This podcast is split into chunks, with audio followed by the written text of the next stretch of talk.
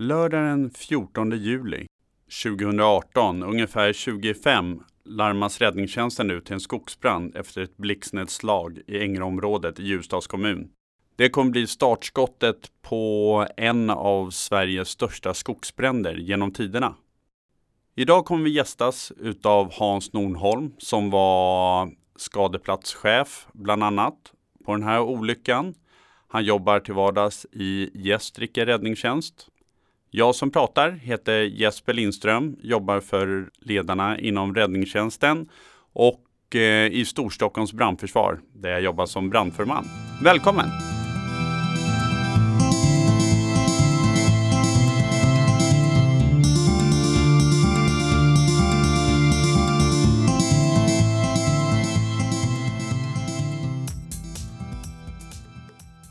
Hej Hans! Välkommen hit! Hej Jesper! Tack! Kan du eh, berätta lite om dig själv? Vem har vi fått på besök? Ja, Hans Nornholm heter jag och kommer från Gästrike räddningstjänst och till vardags jobbar som enhetschef i Sandviken och åker tillika som yttre befäl, insatsledare som vi kallar Gästrike räddningstjänst. Den operativa rollen har jag i Gästrike. Har du jobbat länge i räddningstjänsten? Ja, jag började som sommarvikarie och brandman 98 i Gävle började jag. Och så är jag kvar än. Mm. Du har ju kommit hit idag för att prata om dina erfarenheter och vad du har varit med om när det gäller skogsbranden i Hjulsdal. Ja, precis.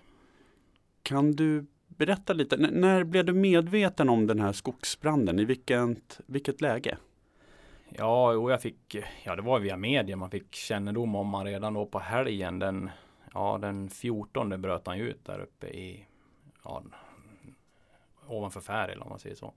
Och det var via media som jag fick reda på det där och redan, jag hade även beredskap hemma i mitt distrikt just då och vårat inre befäl fick även en fråga ganska tidigt om vi kunde hjälpa till med lite personalförsörjning och grejer. Och det var redan då på söndagen den 15. Så att Gästrike räddningstjänst var involverad i arbetet med personalförsörjning och lite annat bakre arbete redan då på söndagen den 15. Så redan då hade jag kännedom om branden.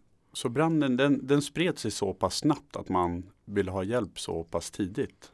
Ja, de bad om hjälp relativt tidigt. Då. Dagen efter i alla fall fick vi förfrågan och även andra grannförbund fick också förfrågan om att kunna hjälpa till med lite bakre stöd så att säga. Utifrån Ljusdals, ja de hade inte folk till just alla de positionerna i, i tidigt skede så att därav fick ja, vi hjälpa till med just personalförsörjning i inledningsskedet. Var du inblandad något där i personalplaneringen eller? Nej, det var inte jag. Det var framförallt vårt inre befäl och även ja, han som var räddningschef i beredskap var också lite involverad. Jag hade ju min roll som yttre befäl i Gästrike under den här tiden. Så att, men jag fick, jag fick en liten hint om att de behövde hjälp med räddningsledning och operativ ledning uppe på plats. Så att jag fick frågan redan på söndag kväll om jag kunde tänka mig åka upp och hjälpa till med det. Och jag gick av min beredskap då på måndag morgon. Så att direkt efter det åkte jag upp till Ljusdal och anslöt där uppe. Okej, okay. hur, hur går tankarna då, då? När man får den här uh, hinten eller frågan om att man kan hjälpa till? Ja, redan på söndagen då, då börjar man ju, ja, framförallt via media tittar man hur pass stort det var och sen fick man försöka skapa sig en liten uppfattning men jag hade inte så speciellt stor koll på hur pass stort och omfattande det var förrän på måndagen då när jag satt med bilen och skulle åka upp. För då hade vi redan en styrka på plats från Gästrike räddningstjänst. En släckbil och ja, med, som var bemannad med en styrkeledare och fyra brandmän helt enkelt. Och jag tog telefonkontakt med den styrkeledaren helt enkelt och fick med en skaplig bild hur pass stort det var och det var betydligt större än vad jag trodde när, när jag fick frågan om man säger så. N när du tar kontakt med honom, är du på plats då eller är du på vägen upp eller?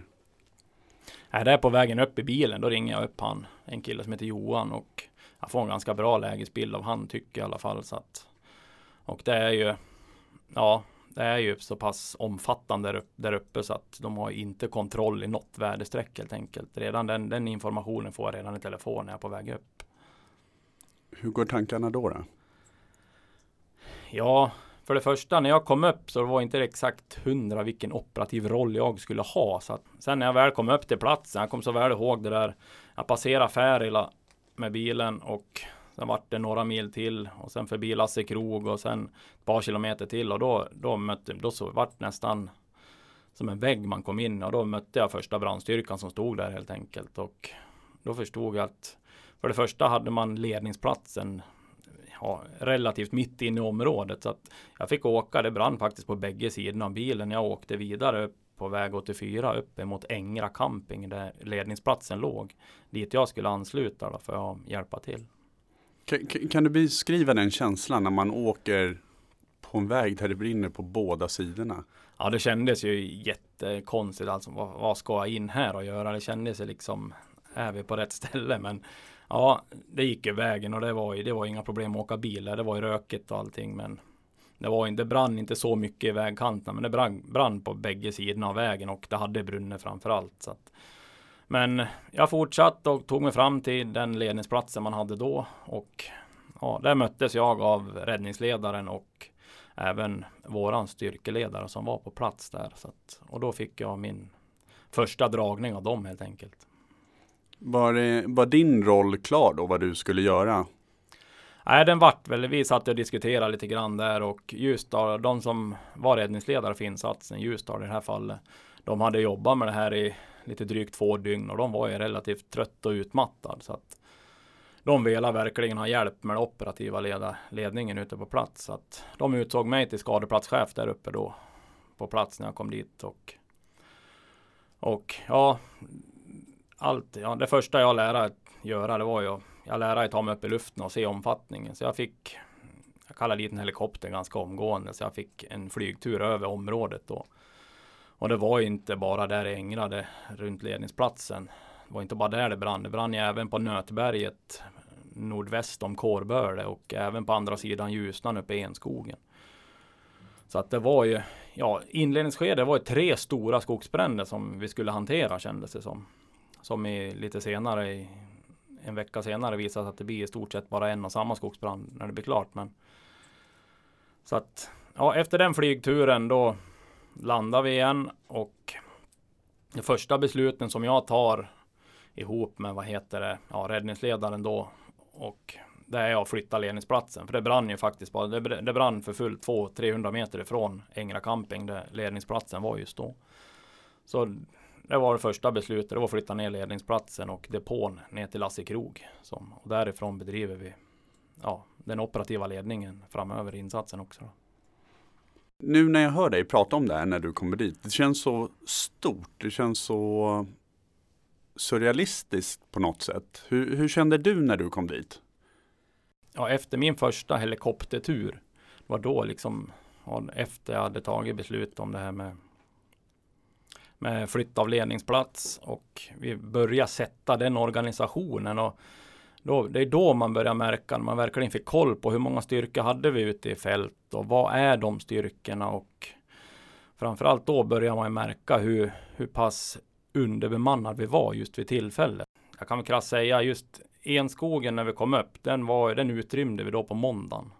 Och i den bodde det cirka 20, 20 bofasta personer i Enskogen. Så den vart utrymd då på måndagen den 16. Och den blicken jag hade över just den byn då och med tanke på de resurser vi hade så kändes det inte att den byn, ja jag trodde inte att den skulle klara sig helt enkelt. Men ja, det visar sig att han gör det lite senare i alla fall och det har vi. Ja, vi kan ju tacka väd, vädrets makter naturligtvis, men även de här planen som vi fick ifrån Europa. De gjorde ett gigantiskt jobb för att klara den byn. Okej, okay, så då eh, på måndagen då utrymmer ni den byn. Och hur löper arbetet på sen då? Ja, vi utrymde Enskogen som jag sa den 16. Men det, sen fortsatte jag eftersom vi hade ganska dåligt med resurser så att vi prioriterade Ängra och Nötberget till, till en start. Men sen rasslade in mer och mer resurser. Så vi började med att bygga en begränsningslinje om man säger mot byn i Enskogen också. För vinden låg så pass bra Dagen när vi kom in i tisdagen där och då började vi kunna bygga, vad heter det, slangsystem och sen hade vi bra lufthjälp av, i form av helikoptrar som vattenbombade emot själva enskogen. Och det var ju fortsatta arbetet så att den branden den smet väl egentligen förbi redan på tisdagen. Då hade det brunnit förbi själva Enskogens by om man säger så och vidare nordväst uppåt i området. Så att, och det kommer man fortsätta med under nästan en vecka framöver. Då. Men just om vi tittar på andra sektorn då, som heter Ängra och där hade vi, vi hade, det är ju det största geografiska området som vi hade i inledningsskedet de första dagarna. Och det brann ju ganska okontrollerat även nordväst där och det börjar ju också hota kårböle från det hållet så att säga. Så framåt tisdagen och onsdagen här då har vi faktiskt två fronter som är på väg rakt emot Kårböle. Och det blir nästa nästa beslut som vi ville ta helt enkelt. Det är att utrymma Kårböle och det gör vi då på onsdagen den 18 det tror jag att det var. Va? Och det gör vi i form av, vi går ut med ett VMA och vad heter det? Då gör vi det, vi ju genomtänkt gjorde vi att vi gick ut till alla, ja via medier helt enkelt, att byn ska vara utrymd 08.00 på morgonen. Och vad heter det? När får de reda på det här då i, de, i tid? De får reda på det på, på, kvällen innan helt enkelt. Så att det var en ren takt. Bara för att det skulle, då kan, kan de flesta ha självutrymt helt enkelt. Tänkte var. Så var fallet också det vart lite omständigheter där på natten innan och det började ju, vi hade en front som vi höll på att tappa där så att då tog vi beslutet att vi utrymmer på en gång och det var 01.00 på natten redan och när vi kommer dit och med hjälp av polis skulle de hjälpa till att utrymma redan då. Då var det bara fyra personer kvar så att utrymning av Kårböle gick jättesmärtfritt om man säger så. Tidigare här så sa du att ni gjorde en begränsningslinje kan du berätta lite, det finns ju olika sätt att göra en begränsningslinje. Hur valde ni att göra den du pratar om här? Ja, det är just det här med begränsningslinjer. Det kom igång framåt onsdagen, torsdagen. Där då började vi. Fick hjälp av Sveaskog hade maskingrupper helt enkelt. Avverkningsgrupper som man kallar det. Och i en avverkningsgrupp ingår en skördare och en skotare. Så de kom dit med tio avverkningsgrupper. Så vi började ju göra brandgator i befintliga vägsystem som vi hade. Vi breddade de vägarna. Enda krav jag hade var att de ska minst vara 60 meter, 50 till 60 meter bred ska de här brandgatorna vara. Och det arbetet sattes igång då redan ja, då på onsdagen. Och det var ju, vi började göra det nere i Ängra för att slippa brandspridning söderut. Och vi gjorde även en gigantisk brandgata uppe i Nötberget. Och an, ja, tredje hand så fortsatte vi med brandgatan ett par kilometer framför fronten nordväst uppe i Enskogen. Hur, hur vet man att det 50-60 meter? Det är ju jättebrett. Hur vet man att det är tillräckligt? Jag hade bakom mig kan jag säga, hade jag en analysgrupp på fyra personer som de började jobba för mig där på tisdagen och onsdagen. Och utifrån deras analyser från väder, vind och även hur pass mycket det hade spridit sig de här första dagarna då, då tog jag besluten om var vi skulle upprätta de här begränsningslinjerna och det vart ju, gans, det vart ju fler kilometer före fronten om man säger så som gick emot de här begränsningslinjerna.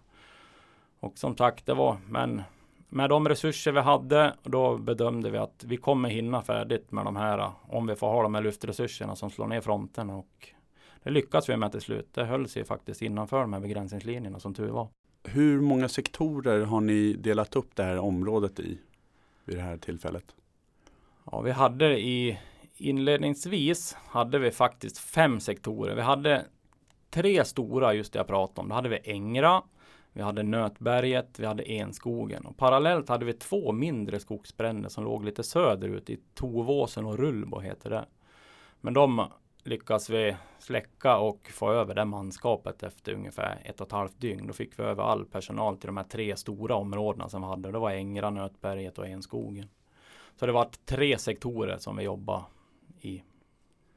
Och hur tänker du med de sektorerna? Försöker man eh, omringa dem eller försöker man bara se vart branden går och få den att stanna på ett ställe med de här begränsningslinjerna? Eller hur, hur tänker du? Hur går tankarna? Första dagarna, det var ju liksom med tanke på att vi var ganska understark med resurser. Det var en riktig utmaning liksom att hålla brandpersonal borta ifrån de här fronterna. För det var fullkomligt livsfarligt att vara där. Vi hade vindbyar uppåt 20-25 meter vissa dagar. Och då går det absolut inte att ha någon brandpersonal i de fronterna. Så att de fick ju liksom arbeta i, på flankerna och i ryggarna på de här bränderna i inledningsskedet. Och sen utifrån vad vi fick för luftresurser, då vart det att vi lära försöka slå ner de här fronterna och utifrån det började vi bygga de här begränsningslinjerna. Och det var ju fler kilometer framför brandfronterna. Och i de begränsningslinjerna, ja de högg undan allting som jag sa, all skog och fraktade undan det brännbara materialet. Och i det la vi även slangsystem sen. Och den taktiska planen var ju att det skulle få brinna sakta men säkert långsamt fram till de här begränsningslinjerna. Så mötte vi branden där helt enkelt. Men ja, det brann fram till ganska många delar av begränsningslinjen. Men vissa delar, då hann de här luftburna resurserna slå ut själva bränderna innan de ens nådde fram. Så att. Du är ju arbetsmiljöansvarig också. Och det måste ju vara en jättesvår uppgift när det är så stort geografiskt område och ha koll på alla situationer. Hur, vad ger man för restriktioner till brandmännen och personalen som är ute i skogen och arbetar? Vi hade ganska stora restriktioner vad det gäller att vara inne i själva brandområdet. De fick bara befinna sig i ytterkanten av brandområdet helt enkelt, i, på flanken och de fick absolut inte gå in i de här terrängen för det när det har brunnit ett bra tag och lite längre då brinner liksom rotsystemen av i de här träden och det är fullkomligt livsfarligt att vara inne i de här skogarna då och så blåste det så pass mycket som det gjorde så att det rasade hemskt mycket träd. Det var jättestor rasrisk. Och sen var det sån kraftig brand också i det här området på vissa håll så att just säkerhetsmässigt, vi var påtalade för alla sektorchefer flera gånger om dagen var de fick befinna sig och framförallt ja, vilka väderstreck som de inte fick befinna sig. Det var vi ganska tydlig och hård med kan jag tycka. Blev det några incidenter trots alla restriktioner? Ja, vi hade en incident. Då hade vi, ja, vi hade precis satt den här ledningsorganisationen som jag berättade om och då det var en bandvagns, ja, en, en grupp som var ute i en bandvagn som var inne och skulle hjälpa till att dra ut ett slangsystem i en av de här begränsningslinjerna. Och då vart det en vindkantring precis där. Så den bandvagnen körde dike och vicka. Så de fick krypa ur bandvagnen och krypa ner i ett, ett djupare dike. För där gick det bra att andas. Och utifrån, i Lasse Krog hade vi en nödlägesgrupp som stod. Och de var liksom bara till för att agera vid nödlägen helt enkelt. Och den fick vi aktivera då. Så de åkte in i det här området och hämtade ut de här personalen ur bandvagnen och transporterade dem bort därifrån. Det gick ju bra. De ja, självklart var de chockade och skärrade utifrån händelsen, men med, dagen efter var de i drift igen, så det gick ju bra. Men det var, det var, där hade vi jättestor tur kan jag tycka. Fick du reda på det när det hände eller fick du reda på det i efterhand? Ja, jag fick reda på då när det hände och jag var även med och aktiverade nödlägesgruppen då så att, och skicka in den när de skulle hämta de här nödställda. Hur kändes det då? Nej, det vart ju liksom, det vart ju fok, all fokus vart ju bara på det. Då liksom fanns ju ingenting annat. Då existerade liksom inte skogsbranden i sig. Då var det bara prio att få ut de här drabbade helt enkelt. Och ja, det var en fruktansvärt skön känsla när man fick det beskedet av just den, vad heter det, styrkeledaren som var ansvarig för nödlägesgruppen då att de var säkerhetsställda och på väg tillbaka till Lasse Krog och mådde bra. Så att den var, känslan var obeskrivlig. Fick du höra hur de fick ut personerna? Ja, personerna, ja de hade vad heter det, krypit ur bandvagnen som jag sa och lagt sig i det diket och just den här nödlägesgruppen, det var så pass rökigt i det området så att de, de var tvungna att ha rökskydd på sig också. Det var rökdykarna som hämtade ut dem helt enkelt. Mm. Ja, vilken tur. Vilken ja, verkligen. Bra beslut och bra jobb. Jag, jag, tyckte att jag läste någonstans i media att det var några brandmän som blev omringade och blev evakuerade av någon helikopter. Är det något som kan stämma? Ah, ja, inte riktigt. Det var en av våra en annan kille som var ute och flög. Han var ute och gjorde en rekrunda åt mig helt enkelt. En kille som jobbar under mig och han såg en grupp brandmän och några hemvärnssoldater som var relativt omringade av branden tyckte han ifrån luften. Men de gick ner Och på vägen ner för säkerhets skull då aktiverade han nödlägesgruppen för han trodde att de här var inringade och grejer. Men de gick ner med helikoptern och pratade med den här, de här personalen som var på plats och grejer. Så att i själva verket var det, de var inte riktigt omringade och de hade verkligen stenkoll på situationen, de som var där. Så att det var ett litet falskt alarm. Så att, men det var, jag tyckte han agerade helt rätt som aktiverade nödlägesgruppen i alla fall. Det har ju kunnat vara tvärtom helt enkelt. Ja, det är alltid bra att ta det säkra för det osäkra. Alldeles precis. Hur löper arbetet på vidare här då? Ja, vi kan gå in här på vi pratar enskogen har vi utrymt och den 19 då tar vi även beslut om att dra till VMA och utrymma en by som heter Finneby. Och den byn ligger, ja, ska jag säga, mer norrut ifrån Enskogen. Det är precis som jag sa, vi har ju haft halvdåligt med resurser och den branden och fronten har spridit sig okontrollerat rakt nord och nordväst. Så det beslutet att utrymma den byn kommer den 19.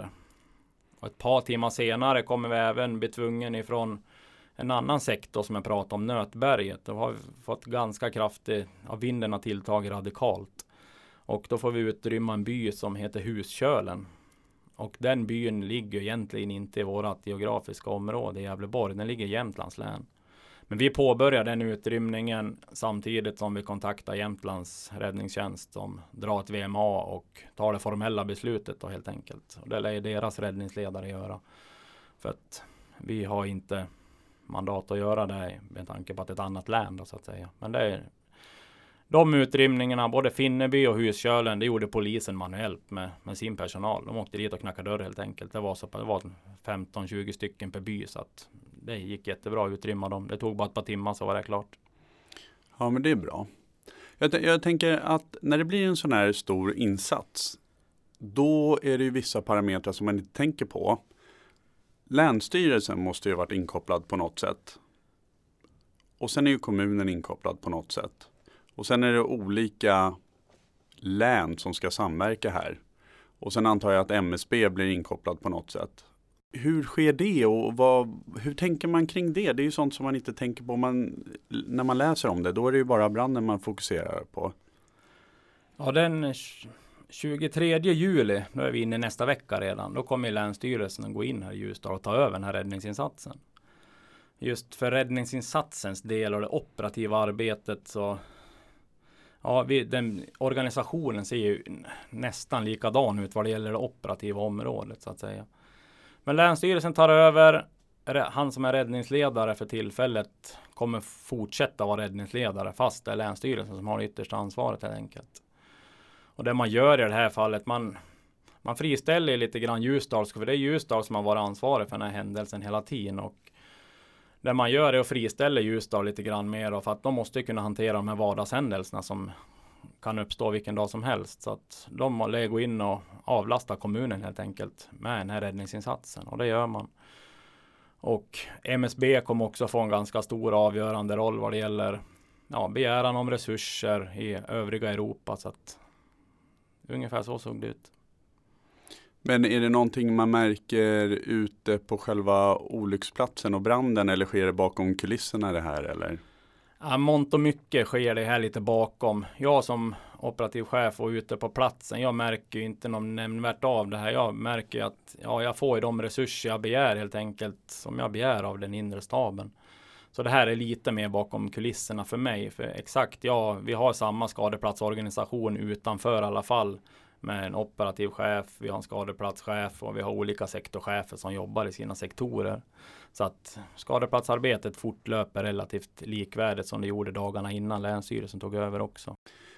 Så, berätta vidare.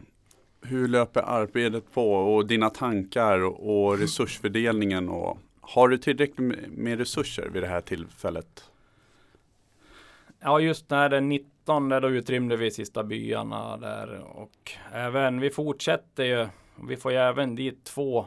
Vi har den 19 anländer även två till flygplan. Vi får de här italienska flygplanen får vi den 18 tror jag och den 19 kommer även två franska. Så ett, vid det tillfället då har vi även fyra flygplan och vi har närmare 10 helikoptrar i luften så att just luftmässigt känns det, känns det jättebra just då. Och manskap började rulla in så att där i mitten på veckan hade vi ungefär 170 man ute i fält. Men som jag sa tidigare, vi kunde inte ha folk exakt där man ville ha på grund av att det brann för mycket och det var för stor rasrisk med tanke på att det var kraftiga vindar också.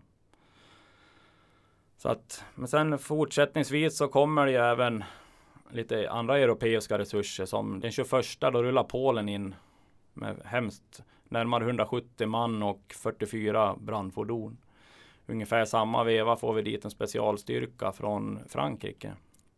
Som, ja, de jobbar till vardags med att släcka skogsbränder helt enkelt. Och det var verkligen en jätteresurs tycker jag där uppe. Och de, de jobbar hemskt mycket med torra metoder om man säger så. De jobbar med ja, maskiner, gör brandgator och sen skyddsbränningar. Så att de hade hela, eller stora delar av den nordvästra delen av Enskogen, den fronten. Den lyckas de hålla begränsningen med just deras metoder och de gjorde moteldar på flera håll där och med verkligen lyckat resultat. Kan du berätta vad moteldar och bränning, vad, vad är det rent praktiskt? Ja, rent praktiskt så är det att man under kontrollerade former så bränner man av skogen framför de här fronterna som jag pratar om hela tiden. Det är de här fronterna som kommer med fruktansvärda hastigheter. Det är de som är farliga för oss att jobba i. Men har vi bränt av marken under kontrollerade former som jag sa innan när branden kommer dit, då finns det ju inget mer bränsle kvar för branden, så då stannar den av där. Och då har vi chans att verkligen slå ut den, dels med markpersonal och även luftburet. Luftburen personal helt enkelt. Och eh, när de har gjort det så blir det bra resultat? Ja, det vart ju jättebra resultat det här det fransmännen gjorde tycker jag. Och vi höll ju även de andra begränsningslinjerna, men det är verkligen imponerande att se. Och just vi i Sverige, vi är inte vana att jobba just det här med motelds, just den, tak den taktiska, den taktiken helt enkelt. Så att jag tror vi har hemskt mycket att lära oss av just deras metoder. Så att det ska bli intressant att se hur vi fortsätter i framtiden med om vi nu råkar ut för sådana stora skogsbränder igen. Mm. Så, när du har fått de här resurserna från andra länderna och du har fått, nu, nu känner du att nu är det tillräckligt med resurser i luften också. Kan du andas ut eller känner du fortfarande att det är stressigt? Det börjar kännas bättre och vindarna framförallt börjar avta lite framåt helgen där och då verkar det märks att vi just de här fronterna som har varit oroliga, att de börjar stanna av lite grann och då börjar det känna att vi kommer hinna färdigt med de här begränsningslinjerna som vi har startat upp och byggt och just då, den känslan är fruktansvärt skön att känna kan jag säga. Att man verkligen utifrån vad analysgruppen har trott i tidigare skeden att vi kommer hinna det här med de här resurserna vi har och då börjar man märka att det kommer funka och det är en hemskt skön känsla. När i tiden känner du att nu, nu börjar det här vända? Nu, nu börjar vi få kontroll på det här. Ja, det framåt, ja helgen innan, ja helgen där den då börjar det kännas lite bättre kan tycka. Men sen är vi inne där i 23, 24, 25. Det börjar kännas betydligt mycket bättre. För vi får, vi har ju, det rasslar in resurser från hela Sverige och he, stora delar av Europa och de luftburna resurserna har vi och vi märker att vi börjar vi kommer hinna klart med begränsningslinjerna. Så I mitten där av vecka två, då börjar det här kännas att nu fixar vi det här. Och, men det är ju fortfarande allt annat än under kontroll och utifrån vad väder och vi, vad det skulle bli för väder skulle komma en till värmeperiod helt enkelt. Och vi lärare verkligen vara rustad för det och det var vi också tyckte jag. Så att, men krasst sett, vi höll begränsningslinjerna som vi upprättade där uppe och det får vi vara jättenöjd med. Ja, så från den tidsperioden, hur, hur löper ditt arbete på? Hur länge är du där vidare? Jag bedriver mitt arbete. Jag kom upp den 16 och vi bedriver en, en yttre skadeplatsledning bedriver vi hela tiden uppe i Lasse krog under den här tiden. Ända fram till, ja det blir i mitten av vecka två där framåt 25. 24 25 då, då blir det ett beslut om att vi ska flytta in, vad heter det, yttre skadeplatsledningen till, till Färila skola och ha den samlokaliserad med den inre staben helt enkelt. Och det var ju bara för att det skulle, ja, information skulle bli enklare att föra mellan de olika staberna helt enkelt. Och det kan jag tycka var ett ganska lyckat beslut. Det var lite lite svårt just då i, när man gjorde den här flytten och få över all information, all materiell och allting och verkligen få igång den här yttre skadeplatsledningen igen när vi kommer till en ny lokal. Men jag tror vi hade igen det i slutändan av insatsen. Men mitt arbete fortsatte där inne i Färila skola och där hade vi precis som uppe i, uppe i vad heter det, Lasse Krog hade vi våra inre sektorchefer också som skötte all kommunikation åt oss med de yttre skade, eller sektorcheferna. Och vi hade även en skadeplatschef där precis som vi hade uppe i Lasse Krog och jag var operativ chef över just den organisationen helt enkelt. Och vi hade våra Ja, hela tiden så fick vi, vad heter det, fyra gånger om dagen hade vi, vad heter det, fick jag ha en dragning då för räddningsledningen och den inre staben helt enkelt. Hur vi låg till, vad hade vi gjort och vad behöver jag för resurser? För just de här resurserna vi hade som utifrån flygplanen och helikoptrar och även viss europeisk markpersonal. Det, var ju, det brann ju på flera håll i det här landet så att jag fick ju verkligen motivera varför jag måste ha dem kvar flera gånger om dagen för att annars har MSB, då har de flyttat dem till någon annan skogsbrand i landet. Så att det har varit mycket sån motivering för mig också under den tiden när vi var nere i Färila så att säga. Men sen fortsatte jag arbeta där i Färila och ja, som jag sa redan innan vi flyttade till Färila så hade vi, det kändes ju bättre och bättre och arbetet fortsatt och fortgick där i Färila och jag var kvar på plats till den 30 30 juli. Då lämnade jag min position som operativ chef där uppe. Okej. Okay. Ja, eh, jag har några frågor. Det är ett är om all personal. Hur sker logistiken kring mat och de måste ju sova någon gång och är du inblandad i det och hur, hur tänker man kring det? Ja, utifrån min roll så jag utsåg en skadeplatschef under mig och vad heter det? Han utsåg i sig en ren, det vart en ren sektor gjorde han som en depåchef helt enkelt. Och den depåchefen ansvarar för all in och utpassering av personal. Han verkar vi räkna alla som åkte in och alla som åkte ut så att vi hade stenkoll på många som var inom området. Och i samråd med vad heter det, Hemvärnet som gjorde ett fantastiskt jobb åt oss och skötte all den här logistiken. De, ja, de hade all ja, beräkna och räkna helt enkelt på hur mycket material har vi på depån. De körde ut all material som varit beställd av de olika sektorerna. De körde ut all mat till de här sektorerna också åt oss. Att hemvärnet skötte all logistik vad det gäller att in, ja, få in mat i området och även få ut material, bränsle till de olika sektorerna. Var det något problem kring planeringen av eh, vart alla skulle sova till exempel? Ja, det var väl just hemvärnet. De var där med hemskt mycket personal. De sov ju i, jag ska säga, de hade stora tält med sig helt enkelt. Och, och även de här europeiska resurserna vi fick dit. De, det var ett gigantiskt tältläge som byggdes nere i Färila skola som de bodde i. Men sen var det ju även den här inre staben. De hade ett gigantiskt jobb att göra och få sovplatser till all personal. Det var ju liksom fullbelagt i hela Järvsö, Ljusdal. Färila. det fanns ju liksom inga sovplatser någonstans att få. Så att, så att det var många som bodde i Färila skola också. Jobbar man 24 timmar om dygnet med branden och om man gör det, har man samma personalkapacitet eh, dygnet runt eller hur funkar det? Tidigt i insatsen var det folk som jobbade längre än 24 timmar kan jag säga.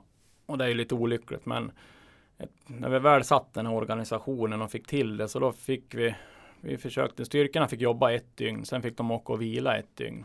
Den rulliansen försökte vi ha.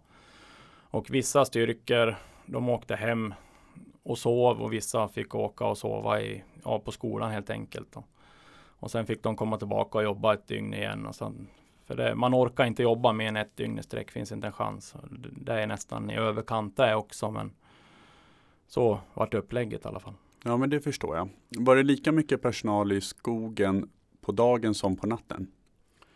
Ja, det var det. Det var när vi kom in en bit in i insatsen så hade vi utifrån behoven i de olika sektorerna helt enkelt. Alltså, de hade den personalen de ville ha och det vart inte första en och en halv veckan var det absolut ingen skillnad dag som natt ute i fält. En annan fråga som jag har och en fundering det är att det skiljer lite att leda mellan räddningstjänsten och hemvärnet och försvaret. Märkte man av någonting utav det när man sitter och planerar och styr upp en insats? Ja, vi, vi knöt ju deras befäl till oss ganska snabbt som satt med i våran i våran yttre stab så att säga, alltså yttre skadeplatsledningen och han satt ju med på alla stabsgenomgångar. Så all information körde jag via han och han delegerade ut det till sin personal och Nej, jag tyckte inte att det var något speciellt stort. Det var lite grann det här med kommunikationsutrustning och grejer som vi lär förse dem med så att vi verkligen säkerställde att vi hade kontakt med dem hela tiden. Men nej, jag tyckte att det funkar jättebra med, med försvaret helt enkelt. Vad skönt. Vad mm. härligt att höra också. Mm. Så, du åker därifrån. Hur känns läget då och hur löper insatsen på efteråt? Ja, som jag sa, det, vi börjar ju få kontroll och det, det fortsätter även efter den 30 när jag åker hem. Så det är några begränsningslinjer som ska färdigställas.